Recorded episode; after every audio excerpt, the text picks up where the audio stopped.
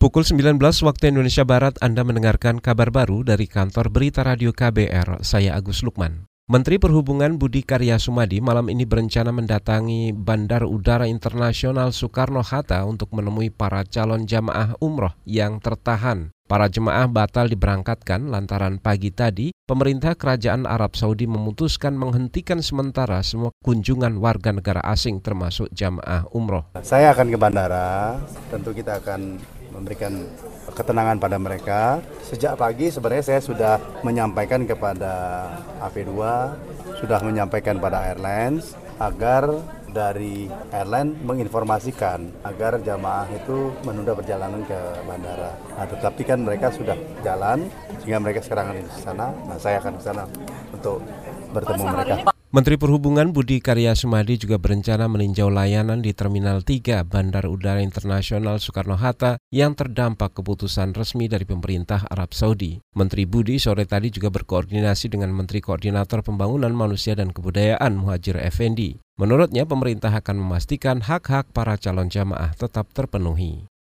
Pemerintah diminta untuk memberikan sosialisasi menyeluruh terkait kebijakan Arab Saudi yang menghentikan sementara kunjungan warga negara asing termasuk calon jamaah umroh. Apalagi kebijakan ini bisa berdampak signifikan bagi Indonesia karena banyaknya calon jamaah yang akan melaksanakan umroh dan haji pada tahun ini. Anggota Komisi Agama di DPR, Maman Imanul Haq mengatakan pemerintah harus memberikan pemahaman kepada semua warga yang terdampak maupun agen perjalanan. Di sisi lain, politikus PKB ini memaklumi kebijakan yang diambil pemerintah Arab Saudi sebagai upaya melindungi warga negara tersebut dari paparan virus corona. Penangguhan pengeluaran visa ini pun harus juga disosialisasikan dengan baik kepada perusahaan dan travel penyelenggara haji dan umroh agar jamaah yang memang sudah lunas membayar dan juga eh, siap-siap untuk berangkat agar memahami ini. Ini adalah sebuah prosedur. Itu tadi anggota Komisi Agama DPR, Maman Imanul Haq. Sebelumnya, saudara pemerintah Indonesia telah berupaya melobi pemerintah Arab Saudi agar tetap mengizinkan calon jamaah umroh Indonesia yang terlanjur mendarat di Arab Saudi. Menteri Luar Negeri Retno Marsudi juga telah meminta agar para jamaah itu tetap diperbolehkan beribadah di sana.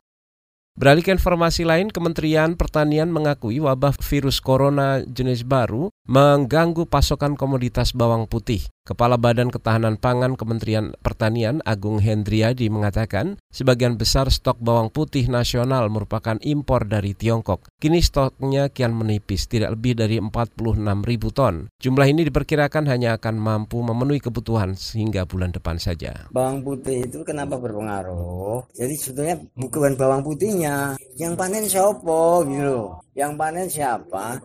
Kalau dikapalkan itu apa kapalnya nggak nggak tersentuh dengan yang kena penyakit gitu loh itu itu itu sehingga ada kekhawatiran. Kepala Badan Ketahanan Pangan di Kementerian Pertanian Agung Hendriadi mendorong agar Kementerian Perdagangan segera merealisasikan izin impor bawang putih sebesar 80 ribu ton. Menurut Agung, Kementerian Pertanian telah menerbitkan rekomendasi impor untuk mencukupi kebutuhan bawang putih secara nasional.